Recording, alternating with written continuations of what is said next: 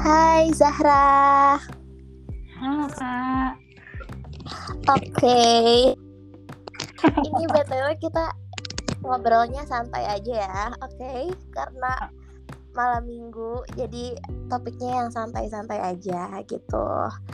Oke, jadi Gimana? ya, oke, jadi mungkin ini karena podcast pertama gue, gue mau kenalan dulu nih ya sama teman-teman yang dengar. Halo semuanya, kenalin gue Tania Putri. Gue mahasiswa tingkat akhir di UI. Sekarang sedang menjalani skripsi, tapi alhamdulillah udah selesai, tinggal nunggu sidangnya aja nih. Jadi so, gue sama temen deket gue nih, eh, di sini intinya kita tuh pengen bahas dilema mahasiswa UI tingkat akhir ya karena temen gue ini juga walaupun satu tingkat di bawah gue juga udah kayak ngerasain dilema dilemanya gitu oke Zara boleh kenalan dulu nggak Boleh, boleh. Halo semuanya, kenalin nama gue Zahra. Zahra aja ya. iya Di sini gue juga mahasiswa menuju tingkat akhir. Beda setahun di bawah Katania. Nah, sekarang juga gue udah mulai ngerasain hal-hal yang sama nih. Kayak, aduh gimana ya ntar. Aduh gue bisa apa ya, gitu-gitu deh. Mm-mm, pokoknya dilema mahasiswa tingkat akhir lah ya udah relate banget nih pasti yang denger nih gitu oke deh oh ya eh, kalau boleh tahu nama link ini apa nih Zahra boleh nanti di drop deh ya Oh, oke. Nama LinkedIn-nya sama Zahra Nur Azani. Oke. Bisa saling connect ya, guys. Iya, kita bisa bisa yang denger bisa saling connect ya, karena sekarang kan kalau misalnya tingkat akhir tuh udah pada aware-nya tuh lebih ke LinkedIn ya. Selain Instagram tuh orang-orang pasti kayak buru-buru nggak sih? Kayak LinkedIn, LinkedIn gitu, LinkedIn lu apa gitu. Oh iya ya. Oke, ya nggak sih? Iya. Nah, Terus juga ini, Kak, apa namanya? apa tuh? Baru nih nemu biasanya kan orang tukeran IG ya. Ini Hmm. tukeran LinkedIn. LinkedIn ya, kayak eh connect dong, gitu-gitu nggak sih sekarang kayak udah beda gitu loh stepnya. Udah merasa, aduh mulai mahasiswa tua nih.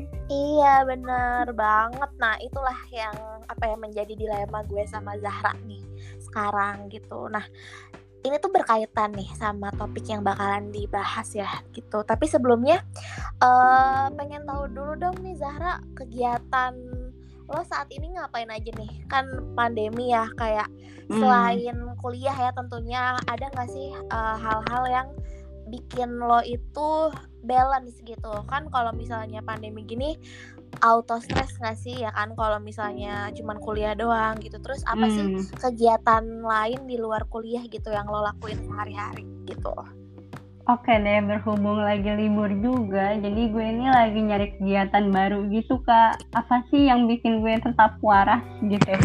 Mm-mm. jadi gue ini mulai belajar hal-hal baru gitu gue pengen tahu banget apa aja sih hal-hal di luar kuliah kayak Mm. kayaknya gitu ya yang bisa gue pelajari mulai dari desain atau marketing atau misalnya copywriting itu kan kayak wow ini nggak asik Mm-mm.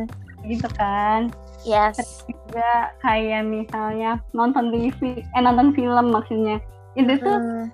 karena jadi oh ini filmnya kayak gini ini yang bisa diambil oh tentang ini pelajarannya jadi nambah insight lagi kan mm. I see berarti bisa dibilang nggak sih kalau misalnya kayak yang tadi lo mention ya copywriting belajar hal-hal yang berkaitan dengan UI UX itu adalah salah satu passion lo hmm iya gue baru nemu banget sih itu pas pandemi itu awal pandemi pas Jadi, pandemi. Hmm. iya. Kenapa Jadi, lo bisa menyimpulkan itu tuh passion lo gitu? gue juga sebenarnya ini apa ya ngerasa kayak mencari jati diri gitu sih. Nah ceritanya itu pas sebelum pandemi kan ya udah masih kuliah kegiatan organisasi segala macam. Nah pandemi kan udah kosong gitu ya kasarnya gak ada kegiatan. Terus gue mulai kayak apa nih? Gue suka apa ya? Dan suatu waktu tuh gue nemu kayak UI UX gitu sama copywriting. Nah, di situ tuh gue ngerasa wah ini tulisan nggak perlu panjang-panjang nggak sepanjang kita bikin esai atau bikin cerpen gitu. Betul. Nah, bisa itu kayak berbobot banget gitu loh. Ada maknanya ada fungsinya ada tujuannya tuh. Oh buat nge-engaging orang. Mm -mm. itu juga oh buat nge-guide orang gitu. Kayak wah ini. Terus ditambah lagi kayak ada makna-makna psikologinya ditambah juga gimana kita memberikan yang terbaik buat user terus juga hmm. tentang teknologi psikologi dan ternyata oh ini yang gue suka nih hmm. gue panjang tapi kalau misalnya pendek gila gue suka banget hmm. gue gitu sih kak oh I see berarti gue bisa nyimpulin sih kalau misalnya passion lo itu pada saat ini udah ditemukan lah ya gitu Mm-hmm. Oke, okay, nah, mm, karena kan sebenarnya orang itu banyak ya uh, Zahra yang kayak apa sih sesungguhnya arti dari kata passion gitu kan. Nah, kalau misalnya menurut gue nih ya, mm-hmm. passion itu adalah sesuatu yang dikerjakan tanpa ada paksaan dan suatu mm-hmm. bentuk panggilan dari alam bawah sadar kita. Jadi gitu. Jadi kalau misalnya nih uh, apa ya, sesuatu hal yang kalau gue seneng banget sama dunia komunikasi gitu jadi kalau misalnya gue baca gue belajar terhadap apa ya hal-hal yang berkaitan dengan dunia komunikasi itu tuh pasti dilakukannya tuh secara terus menerus gitu tanpa ada rasa bosan tanpa hmm. gue memikirkan untung dan ruginya gitu kalau misalnya yeah. dikerjakan dan kalau misalnya nih gue nggak mengerjakan itu itu tuh kayak ada yang kurang gitu. Okay. Nah, jadi menurut gue ya passion itu itu gitu. Jadi kayak hal-hal yang terus menerus tuh ada di pikiran kita yang ngedrive kita untuk terus apa ya istilahnya movement gitu ke hal-hal yang pastinya jangka panjang gitu. Entah itu kesuksesan, entah itu apa ya jenjang karir kita, entah itu hal yang berdampak baik untuk sesama. Iya nggak sih kayak gitu? Iya, setuju banget sih kak. Gue yes. juga jadi kayak oh iya ya bener banget nih yang lu omongin. Terus juga gue pernah dengar quotes ini nih. Katanya itu uh, pokoknya cari sesuatu yang lo itu ngerjainnya gak apa-apa capek gak apa-apa dibayar gak apa-apa begadang gak apa-apa pusing-pusing tapi lo suka gitu lo mau buat ya, ngejalanin itu kan betul. gitu. lo ya udah gue mau kok. Gue seneng dan bikin lo penasaran terus gitu kan. Yes benar dengan kata lain bahagia dengan passion kita sendiri gitu kan? Nah iya, itulah yeah. salah satu alasan ya menurut gue kenapa kita itu tuh melakukan passion gitu. Karena ada perasaan bahagia tersendiri ketika melakukannya gitu. Ya kan? Nah karena passion ini tuh menurut gue berakar dari ini gak sih? Kayak soul kita gitu. Tubuh kita jiwa kita gitu. Jadi karena kita apa ya bahagia ngelakuinnya gitu kan? Jadi kita tuh kayak kadang nggak tahu waktu. Terus kalau misalnya apa ya udah lelah juga kayak tetap dijabanin gitu. Karena masih ada gairah-gairahnya gitu loh. Jadi kayak itu tuh yang ngedrive kita tanpa disadari yang membuat kita tuh apa ya istilahnya nggak akan berhenti gitu melakukan si passion ini gitu. I yeah, see I see. Nah kalau misalnya menurut lo nih kayak uh, ketika passion itu muncul ya kalau misalnya di case lo atau kasus lo itu dipengaruhi oleh hal apa aja? Oke, kalau misalnya di kasus gue itu pertama dari diri gue sendiri dulu sih. Gue ngerasa gue anak sastra kok gue nggak bisa ya bikin cerpen bagus gitu dibanding teman-teman yang lain kan sangat produktif gitu. Yes. Terus gue ngerasa eh kayaknya gue juga suka deh mecahin masalah gitu gimana manage segala macem menarik banget sih gitu terus dicampur-campur. Apa sih yang gue suka lihat-lihat dari lingkungan dan media sosial gitu kan. Jadi kayak oh ini. Oh ini nih yang gue cari sih. Jadi ujungnya kayak gitu sih kak ternyata lingkungan banget sih mempengaruhi sama diri gue sendiri gitu. Mm, eksternal ya berarti ya. Mm, iya benar. Oke, okay, tapi menurut lo passion itu bisa berubah nggak sih? Apa kayak menurut lo nih, lo kan uh, tadi mention passion lo itu di copywriting, terus menurut lo tapi suatu saat nanti passion lo itu akan berubah nggak? Kayak tapi signifikan ya.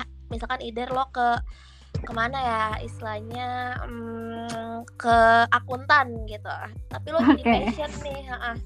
menurut lo bisa berubah nggak Oke, ini menurut gue opini pribadi gitu ya. yes Ini menurut gue sendiri sih bisa berubah ya. Mm-mm. Tapi ini contohnya lebih ke apa ya?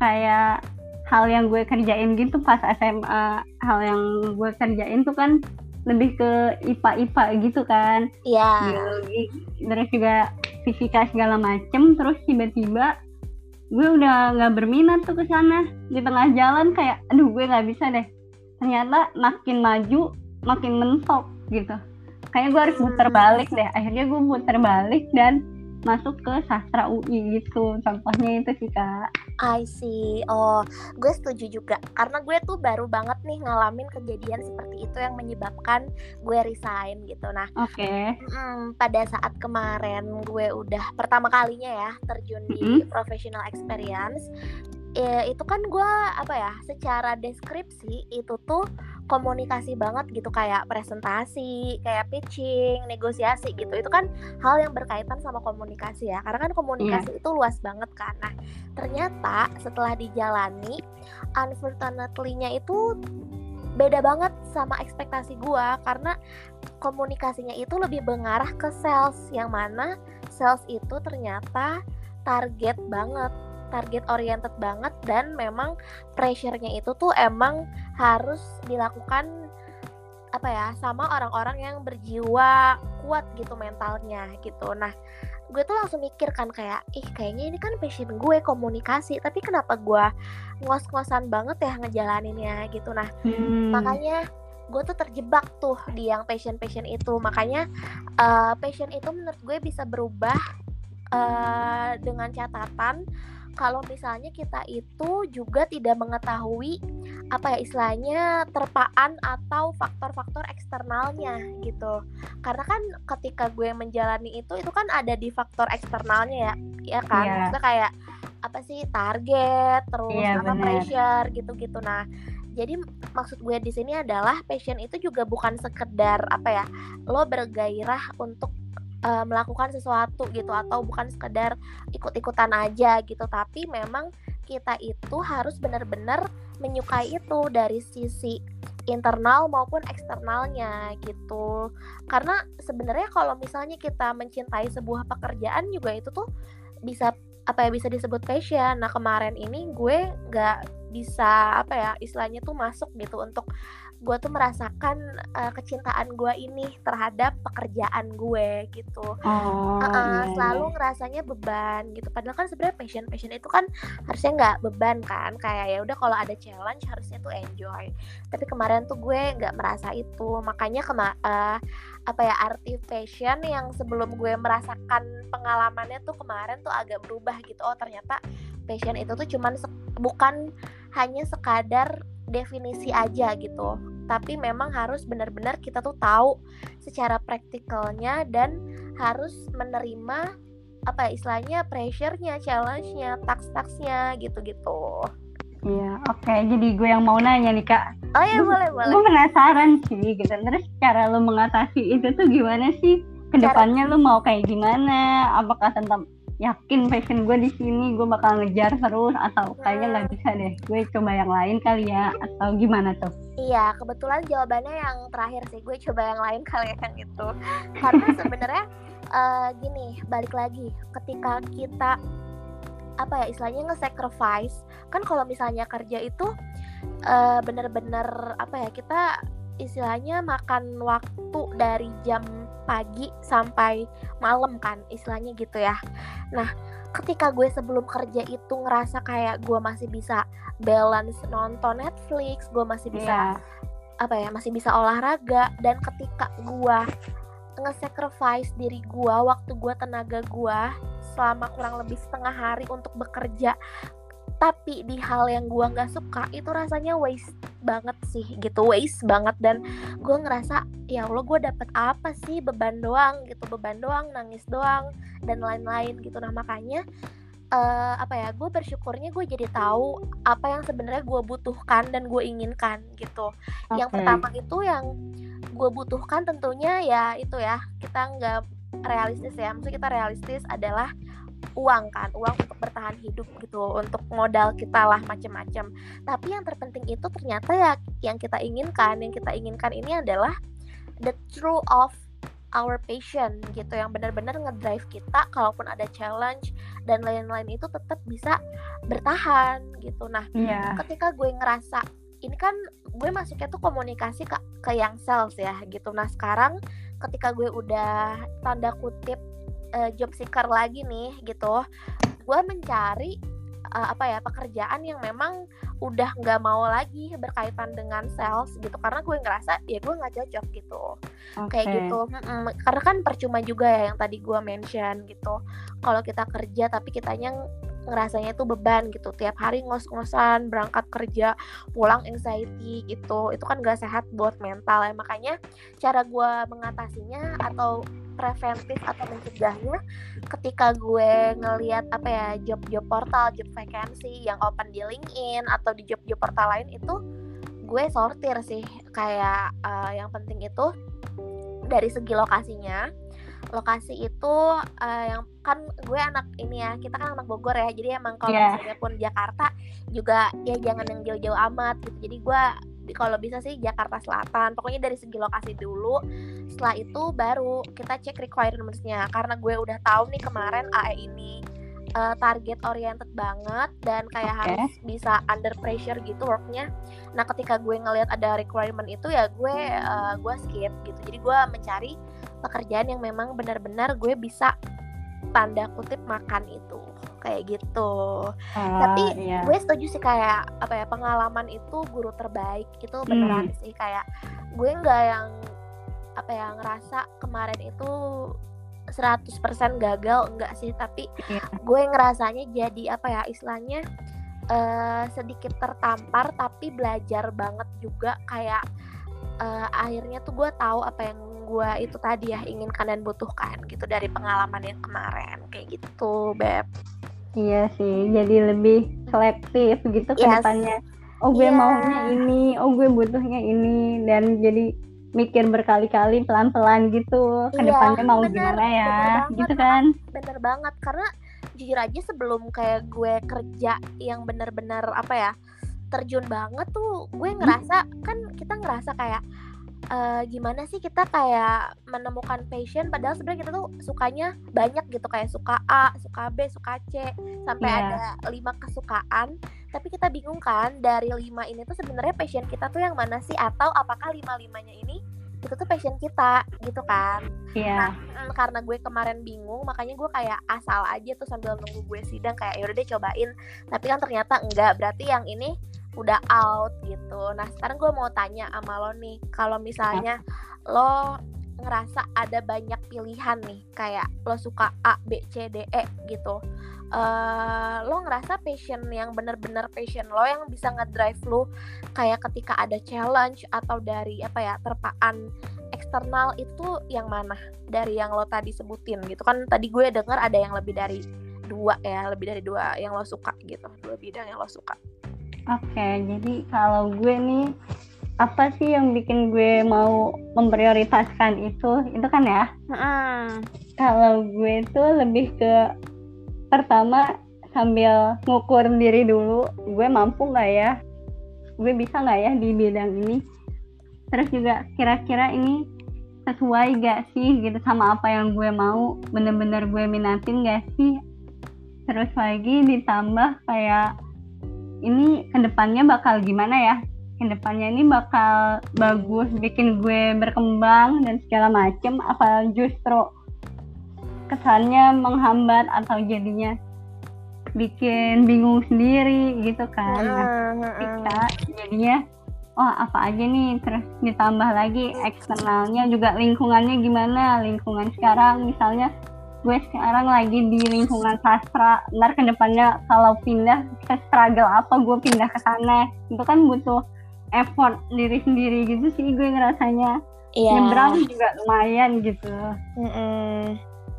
gitu. Kalau lo gimana? Kalau gue eh kemarin sih mungkin gini ya eh, bedanya adalah ketika kayak eh, kita masih kayak ngelis gitu ya kayak to do list sukanya A B C D E gitu kan biasanya.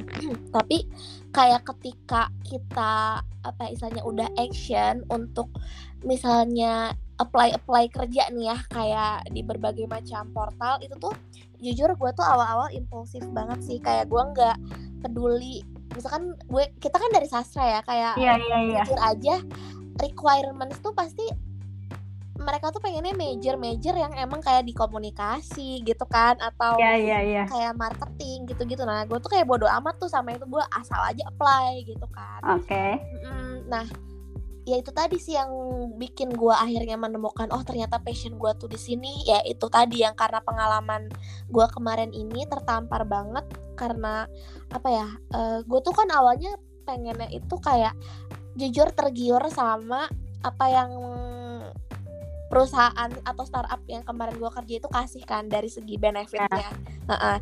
Gue nggak nggak mikirin sebenarnya kerjanya tuh kayak apa, ekspektasi gue tuh apa ya kayak oh ya udah gitu gue bisa tapi kan ternyata enggak tertamparnya karena itu sih karena ketika kita udah terjun langsung gitu makanya gue jadi bisa uh, apa sih istilahnya ngekat atau meminimalisir uh, apa yang menjadi prioritas gue gitu sekarang. Ah iya iya gitu. Iya iya iya. Kayak gue kebayang sih kak kayak dari kemarin tuh oh gue ngerasain ini cukup lah ya gitu. Pengalamannya Betul. banyak banget nih ngerasa apanya banyak banget. Dan oh berarti ke depannya gue harus gini-gini. Terus juga ditambah kayak sebelumnya tuh kita ngerasa gue pengen jadi ini gue berusaha ini gue harus belajar ini segala macam gue cobain aja udah yang penting. Yes benar kan gitu. Nah yeah. terus akhirnya setelah ngejalanin terus juga ada oh ternyata ekspektasinya kayak gini nih wah gila Bener sih banget. dihancurin ekspektasi Iya. sendiri gitu dan jadinya Bener mikir banget. lagi kan yes. harus realistisnya udah udah capek gitu kan Yes, sih exactly itu dia. Dan ketika kayak apa ya, eh, gue flashback nih ya ke belakang. Sebenarnya gue bisa nyimpulin juga sih dari cerita lo. Kan kita maksudnya basicnya sama ya di sastra Indonesia kan. Iya. Tapi eh, untuk mungkin ya secara karir dan apa yang kita pelajari itu tuh beda banget kan sama dunia sastra ya kan? Yang Iya. dari akademiknya karena itu loh maksud gue itu adalah passion gitu. Jadi kita bisa tetap belajar kita terus apa ya haus kita terus lapar akan ilmu pengetahuan di luar akademik yang dikasih gitu sama kuliah. Nah itu sih maksud gue yang jadi apa ya istilahnya kata kunci dari passion ini gitu. Karena eh, yang tadi Zanur ceritain itu tuh kita sama-sama di sastra tapi Zanur sukanya tuh di bidang copywriting atau UI UX kalau gue belajarnya tapi tetap gitu kayak di sastra cuman apa yang gue pelajari di luar sastra itu adalah bidang-bidang yang berkaitan sama komunikasi. Dan kita apa ya istilahnya eh, bangga dan terus apa ya istilahnya improve gitu di hal-hal yang kita pelajarin gitu iya itu yang banget yang nggak sih yang bisa disebut passion. Nah, gue mau tahu dong kayak eh, rencana Zanur ke depannya tuh apa nih? oke sebelumnya disclaimer dulu ya gue kalau nggak dipanggil Zahra dipanggil Zanur ya guys Ya. gitu. Lupa karena gue kalau Zahra tuh gimana gitu. Gue kan kayak udah sering nih ya, tapi makanya tadi lu udah disclaimer. Iya, iya. iya sih wajar banget orang-orang juga kenalnya Zanur Zanur. ya kan oke Oke. Eh, ke depannya ya ke depan Heeh. bakal gimana ke depannya selain tugas akhir ini gue juga kan mulai tingkat akhir gue Heeh. sih sambil masih pengen belajar terus belajar apa sih passion gue apa sih yang bisa gue ambil dari copywriting abis gitu Hmm. juga kayak UX writing itu gue masih kepo banget kak kayak Heeh. Ih, gue penasaran nih, jujur sih ngerasanya kayak aduh gue sendirian banget, gak ada temen, gak ada mentor, gak punya siapa-siapa, gue harus belajar dari mana gitu kan. Iya, iya, Tapi iya. kalau dibalikin lagi kayak sekarang gue di sastra, kalau gue terus-terusan di dunia sastra yang menurut gue bikin cerpen, bikin puisi itu gue malah gak berkembang gitu kak. Iya. Gue harus nge-push diri what gue sendiri gitu gak sih? Yes, exactly Iya I kan, iya. Iya, jadi kayak kayak ya mau ya harus belajar gitu harus belajar harus memperjuangkan itu mungkin sih emang lebih berat jalannya gitu tapi kalau kita mulai dari sekarang mulai dari ya saat ini gitu mm-hmm. ya semoga dimudahkan juga kan ke betul gitu. iya aku setuju banget sih karena dulu uh, waktu kayak gue udah nginjek tingkat tiga ya tingkat tiga dan tingkat akhir kuliah itu uh, langsung sih maksudnya kayak tetap baca buku itu harus ya kalau ketika kalian ngerasa ini aduh gue salah jurusan nih tapi kan sebenarnya passion gue tuh misalkan di HI atau di manajemen ya itu maksudnya uh, kalian tuh jangan kayak apa ya kayak ngerasa hidup kalian tuh udah berakhir di titik itu gitu kayak yeah. Ya. uh, apa ya go for what you want gitu kayak uh, cari tahu gitu kayak apa sih action yang harus kalian dapetin kalau misalnya uh, ini gue sharing ya kalau gue kemarin selain baca buku dari yeah. perpustakaan atau misalkan beli itu ikut-ikutan ini ikut kayak kelas online webinar kayak gitu-gitu oh, sih iya, iya. self improve atau ikutan kayak sekarang kan banyak banget ya kayak Coursera, Udemy atau apa skill academy gitu kan yang bisa yeah. bantu improve uh, soft skill kita gitu dari course-course online kayak gitu. Nah setelah itu mm-hmm. jangan lupa juga nih untuk bertanya ke uh, orang yang memang sudah berpengalaman gitu sharing kayak gimana caranya karena balik lagi kan guru yang terbaik sebenarnya emang orang yang udah berpengalaman karena sebenarnya mereka yeah. Nah, jadi jangan takut untuk bertanya sih kalau misalnya uh, apa ya uh, saran dari aku. Terus uh, selain itu ya kalian juga harus punya apa ya? Nggak apa kalian kalian benar-benar harus punya to do list nih. To do listnya apa? Tapi jangan lupa dikatakan actionnya. Action itu juga harus benar-benar yang nge-move kalian untuk melakukan itu. Kalau perlu sih ada deadline-nya gitu. Jadi kayak ya, benar. Nah, oh deadline ini gue harus kayak nyelesain course ini terus gue buat summarize-nya misalnya kayak gitu. Atau setelah gue belajar ini gue mau sharing gue mau sharing ah ke teman-teman gitu. Nah itu juga boleh sih kalau misalnya itu cara gue ya. Kan tadi gue baru dengar nih rencananya Zanur nih kalau misalnya uh, yang pendengar kita ini tuh pengen tahu nih kayak kalau misalnya action lo itu terhadap rencana-rencana lo tadi tuh apa aja? Kayak actionnya tuh apa aja? Action gue pertama mulai dari ningkatin dulu pengetahuan guanya dulu itu tuh. Apa aja sih biar makin mantep gitu kan makin matang juga itu. Di media Terus mana aja tuh ya? Mediumnya apa aja? Oke, okay, di mediumnya lebih intinya sih pakai media sosial ya, media digital ya, kayak belajar-belajar online course, abis mm. itu juga lihat di YouTube, mm gitu. terus juga sambil ada artikel-artikel, bukan artikel sih, post di IG kan, oh itu iya sama artikel medium itu mm sih, terus juga actionnya lagi ini sih gimana caranya gue mendekatkan diri ke lingkungan itu gitu. Lingkungan yang oh berarti hmm. copywriting tuh kayak gitu ya kan? Yeah, kalau misalnya lingkungan. marketing tuh kayak gitu berarti yeah. gue harus bisa ke arah sana gimana sih iya. caranya? Ya connect LinkedIn abis gitu juga kayak ikut webinar gitu-gitu kan kak? Iya sama-sama. Gitu sih.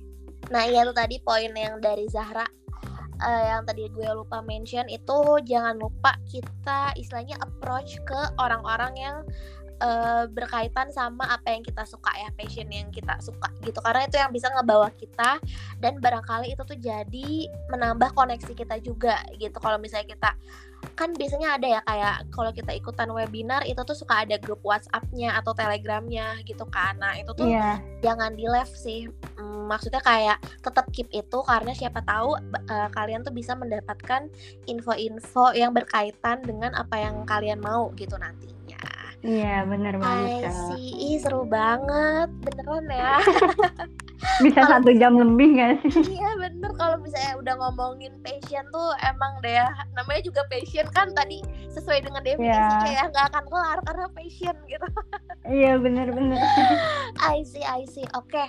Mungkin uh, kalau misalnya nih yang denger nih pengen apa ya lo tuh ngasih kayak uh, tips and trick atau nasihat atau apa deh pokoknya closing statement nih dari lo kayak dilema mahasiswa gitu tingkat akhir gitu kayak gimana sih sebenarnya cara nemuin passion sekali lagi gitu kayak mm, versi lo ya kayak versi lo tuh apa dan kayak mereka itu harus gimana gitu untuk menemukan passion dan ketika passion itu tuh udah ada nih kayak harus gimana gitu untuk mempertahankannya kayak gitu Oke sih, kalau gue masih berpikirannya gini.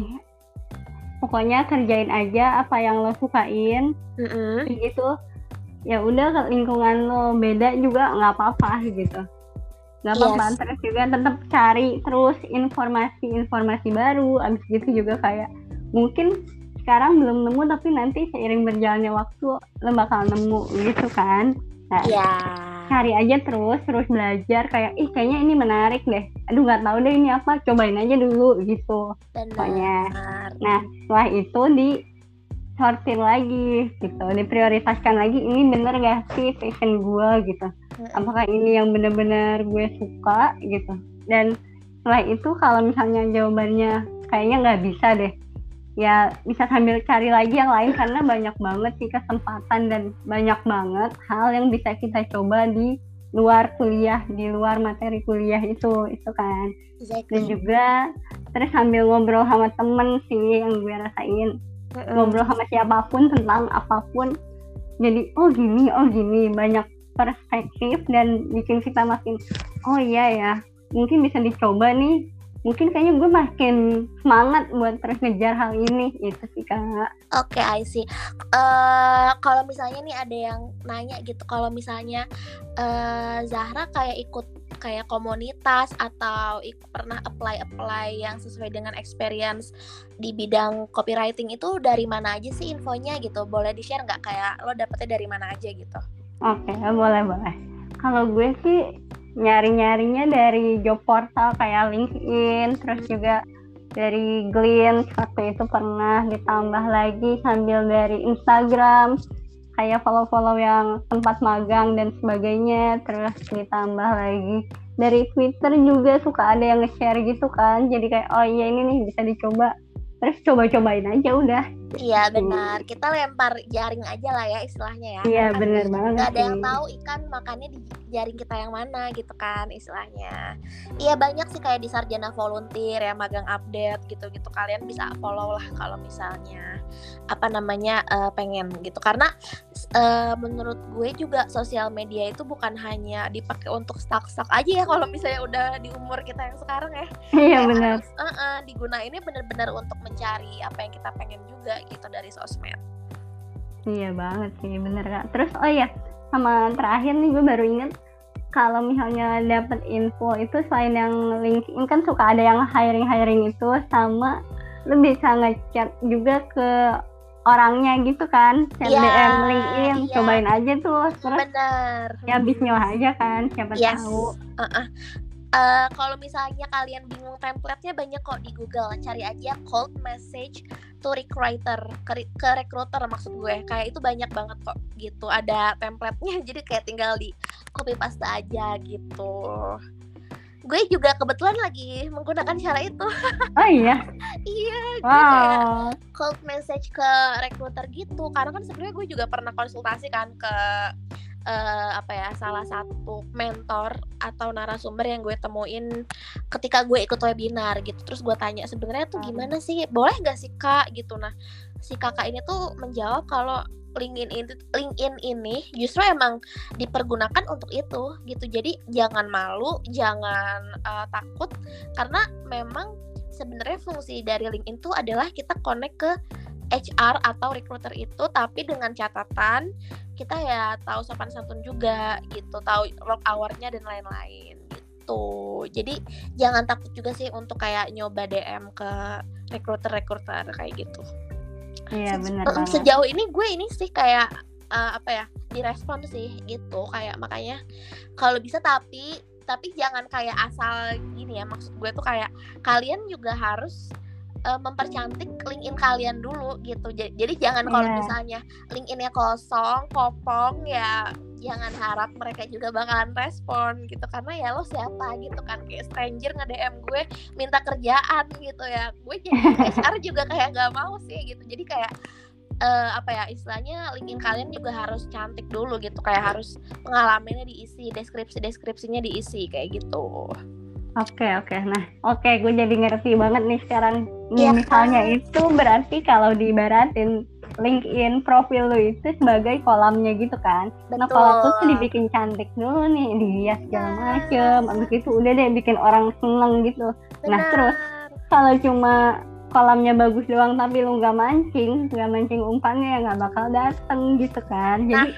ya walau dengan cara mulai lu ngepost atau juga dengan cara lu approach ke orang-orang recruiternya itu terus juga kayak banyak banget sih sebenarnya kan ya.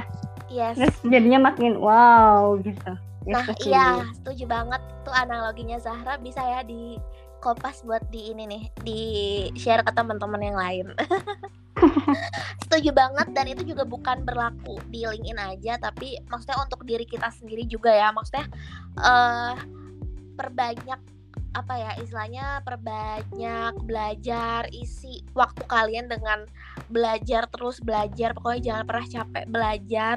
Harus jadi bego harus jadi lapar untuk hal-hal yang emang kalian pengen capai gitu oke okay? iya, karena banget. itu berkaitan dengan passion ini sekalian aku closing statement juga ya karena menurut apa ya gue kayak passion itu tuh bukan hanya melakukan pekerjaan yang kita enjoy aja bukan hanya melakukan pekerjaan yang kita rasa ih gue seneng nih gitu. Atau bukan hanya sebuah hal yang mampu membuat kita tuh lebih berdaya aja tapi passion itu adalah hal-hal yang benar-benar kita rela berkorban demi melakukan sesuatu yang kita cintai dan itu tuh berdampak ke lingkungan sekitar juga gitu. Jadi kita tuh kayak apa ya istilahnya ikhlas untuk sharing kita ikhlas untuk berbagi ke orang-orang yang kita kenal itu passion menurut aku.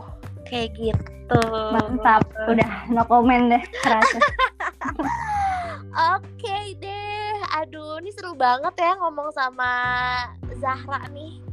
Iya, seneng banget juga bisa ngobrol sama Katania kapan lagi gak sih? Susah banget nih untuk episode pertama kali ini ya ampun senang banget. Oke mungkin uh, tadi udah kalian dengar ya kayak closing statement dari kita berdua kemudian tips dan trik yang tadi Zahra udah berikan kayak action banget gitu uh, movement banget gitu untuk kalian bisa lakuin dan realistis.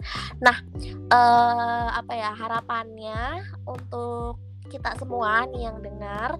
Semoga tetap apa ya sehat stay safe stay healthy hmm. tetap uh, patuhi protokol yang masih apa ya WFH jangan lupa balance juga sama hal yang kalian suka yang kuliah juga jangan lupa balance sama hal-hal yang kalian suka untuk improve diri sih terutama kayak gitu. So I wanna say thank you so much Zahra untuk waktunya dan udah sharing banget nih apa istilahnya insight-insight baru ke teman-teman gitu. Iya, makasih juga ya Kak Tania, makasih semuanya udah mau dengerin dan juga kayak wow ini sangat terhormat banget ada di episode pertama. Iya, oke deh kalau kayak gitu uh, kita udahin aja ya uh, sampai sekarang. Uh, jangan lupa untuk terus dengar di episode-episode selanjutnya karena bakalan seru banget nih topik-topik yang bakalan dibahas. Tentunya sama Zahra juga nggak apa-apa ya Zahra ya. Jadi Ayo. Guys lagi gitu cuy lagi okay. atau temen lagi ya. Oke okay deh. One, two, three, four. Close the door. Dadah. Dah.